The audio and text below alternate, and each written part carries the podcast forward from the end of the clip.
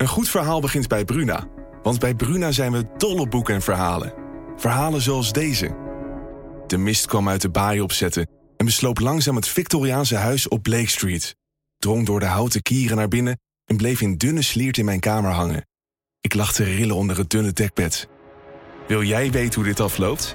Je leest het in In de mist van Golden Gate Park van Murat Isik. Nu bij Bruna.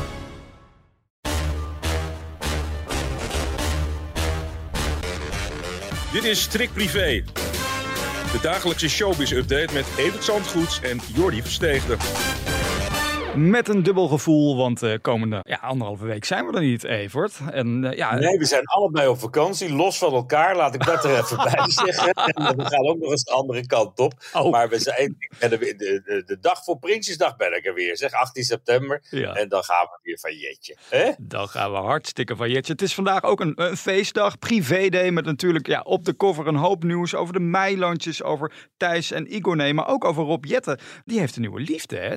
Dat is Nou, dat kan je wel zeggen. Dat kan je niet ontgaan. En de man is eh, hartstikke druk met politiek. Zozeer zelfs dat zijn vorige relatie daardoor op de klippen liep vorig jaar. Ja. Maar het heeft er maar niet van weerhouden toch een nieuwe meneer te vinden.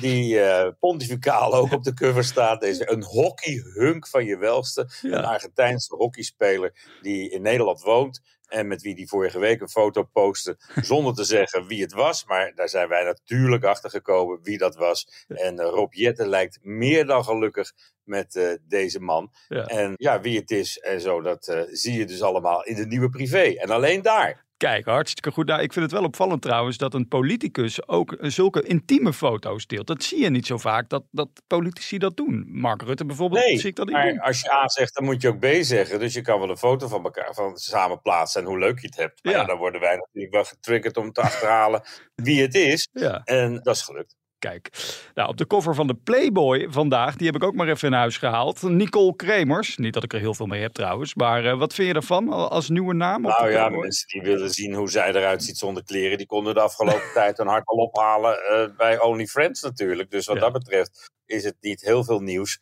En wat ze te vertellen heeft is ook niet heel veel nieuws. Ik moest wel lachen om de hoofdredacteur van mijn collega van de Playboy, zeg maar. Die, eh, die zei dat het zo'n classy reportage was geworden. Ja, Ja. Je, je wil een classy reportage Ja. en dan vraag je Nicole Kremers. Dat, dat vond ik wel geestig. Maar ze zijn er altijd heel trots op dat Playboy zo'n chic blad is. Nou, Nou ja, mensen die dat willen toetsen, die kunnen dat eh, deze maand eh, doen met, eh, aan de hand van Nicole. er gaan dan ook geruchten rond dat Nicolette Kluiver binnenkort op de cover gaat verschijnen van de Playboy. En ook Helene van Rooyen zou weer ja, op die Playboy gaan staan. Ja, nou ja, er wordt gesproken van de volgende wordt iemand van boven de 50. En Ja. Helene van Rooyen, die is dat zo langzamerhand wel. ja. En dus die zou dat kunnen zijn. Maar ja, ook, ja goed, ja, het is sowieso niet zo aan mij besteed, dat wat. Maar het is een, eh, ja, het is, ik vind het op zich wel leuk dat ze dat bekende bloot weer eh, in ere hersteld hebben. ja. En ja, een, een echte aanname zou ook wel een keer leuk zijn natuurlijk. Want en Ja. Jamie Vaas en Nicoleke, ja, Mm. dat is nou niet waar Nederland nog voor naar de winkel holt, volgens mij. Zou Jolante Cabau een, een, een goede aannaam zijn? Dat zou de ultieme aanname zijn natuurlijk. Maar ik vermoed toch niet dat zij zich daarvoor gaat eh, lenen. En Mm. al is het maar vanwege Cess Sava, die, eh, Mhm. die, die daar ook van raar staat te kijken. Ook al zit hij in Amerika en ligt dat blad dan in Nederland in de winkel. Ik denk niet dat Jolante dat gaat doen, nee. nee. Nou, Jolante heeft zich wel eh, openhartig uitgelaten over ja, haar breuk, haar scheiding destijds met Wesley Snijder. Het schijnt dat ze daar zelfs therapie voor heeft moeten volgen. Ja, en een ingrijpende therapie, een, een, een, wat je helpt een, een opgelopen trauma een plekje te geven. Nou, de scheiding eh, omschrijft zij al dus, dus als een, als een trauma. En dat hebben we eigenlijk nooit zo geweten, dat dat zo ontzettend hard bij haar is aangekomen. Want voor de buitenwereld heeft ze altijd eh, een keer met haar hoofd geschud Mhm. en is ze doorgegaan, in Amerika gaan wonen, daar een nieuw leven opgebouwd. En degene die er een trauma aan overgehouden had, getuige zijn boek, dat was eerder Wesley. Want die heeft in dat boek echt zijn uiterste best gedaan om Jolante terug te winnen. Heeft de hele schuld voor die scheiding op zich genomen. Hij was zo stom geweest. Hij was onder invloed van verkeerde vrienden en, en bepaalde middelen. En, en hij heeft het allemaal verprutst. Voor de zoveelste keer, zei hij nog. Ja. Maar ja, Jolante was daar toch niet heel erg happig op om het onmiddellijk weer goed te maken. Ze is wel altijd heel erg deel uit blijven maken van de Snijdersfamilie. Dat werd ook heel erg duidelijk toen Wesley's eh, moeder overleed. Jolante was daar niet alleen bij, maar die kwam ook naar Nederland om op tijd afscheid van Sylvia te nemen.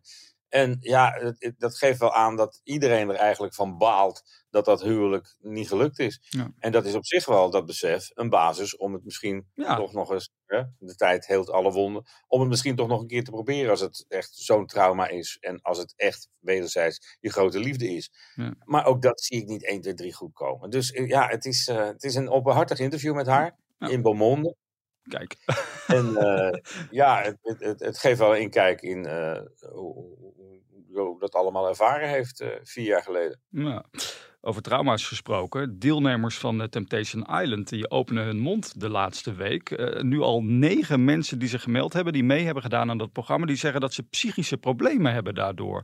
Dat is toch wel heftig als je dat zo leest. Ja, vind ik ook. En eigenlijk niet van deze tijd om zo'n programma dan gewoon te blijven maken. En Ja. zeker niet op een zender die ook eh, nogal hoog in het vaandel heeft staan. En Ja. eh, ja, het is een rare gang van zaken. Ik vind ook mensen naar de andere kant van de wereld laten vliegen om te plekken te zeggen, ga maar weer. Ja. Eh, ook al mag je dan op een afvallerseiland zitten. Je valt helemaal niet af, want je hebt nog niks gedaan. Dus het is zo negatief, zo Ja. naar eigenlijk. Ik vind het echt een naar, naar programma. Ik kijk er eigenlijk nooit naar. Deze week even om mijn collega Iris van Luenburg te zien. Ja. En daar word ik er niet vrolijker van. Ik, ik denk dat ze echt bij RTL eens achter de oren moeten krabben. Of dit nog een format is wat, eh, Hmm. Wat, wat door kan blijven gaan. Hm. Of net als Ranking the Stars toch wel beoordeeld wordt als van ja, eigenlijk kan dat nu niet meer. En verder moeten mensen ook niet zeiken hoor. Je gaat naar zo'n eiland en het duurt een paar weken. En, en ja, je weet dat je wat ontberingen te wachten staan. Ja. Maar ja, het is, het, ik- ik- het is gewoon niet. Het past naar mijn gevoel niet helemaal in deze tijd. En als ze zich dat ergens zouden moeten realiseren, is dat bij RTL 4.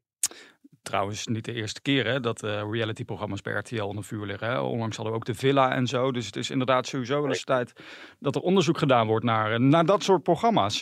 Op dit moment in de rechtbank, ja, zit Rachel Hazes daar weer in het bankje. Eh, dat gaat natuurlijk, hè, die zaak die ze heeft aangespannen tegen haar voormalige zakenpartner en tegen Roxanne.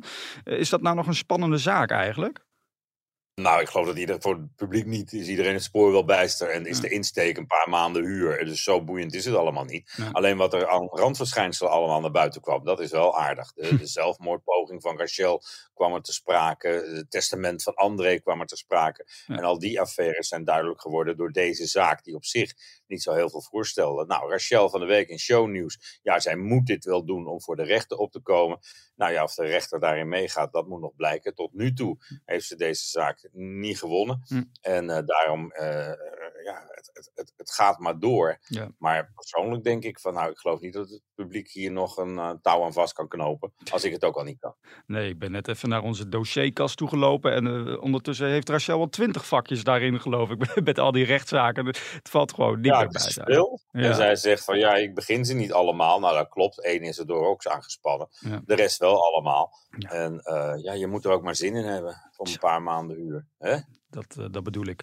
Goed, wij zijn er doorheen. Onze laatste voor de vakantie. En die sluiten we natuurlijk af door te zeggen dat de mensen naar de winkel kunnen hollen. Want hij ligt er weer. De privé. Ja, en nog één keer die wannabes met, met die zomer. En als we terug zijn, dan is die zomer echt wel voorbij.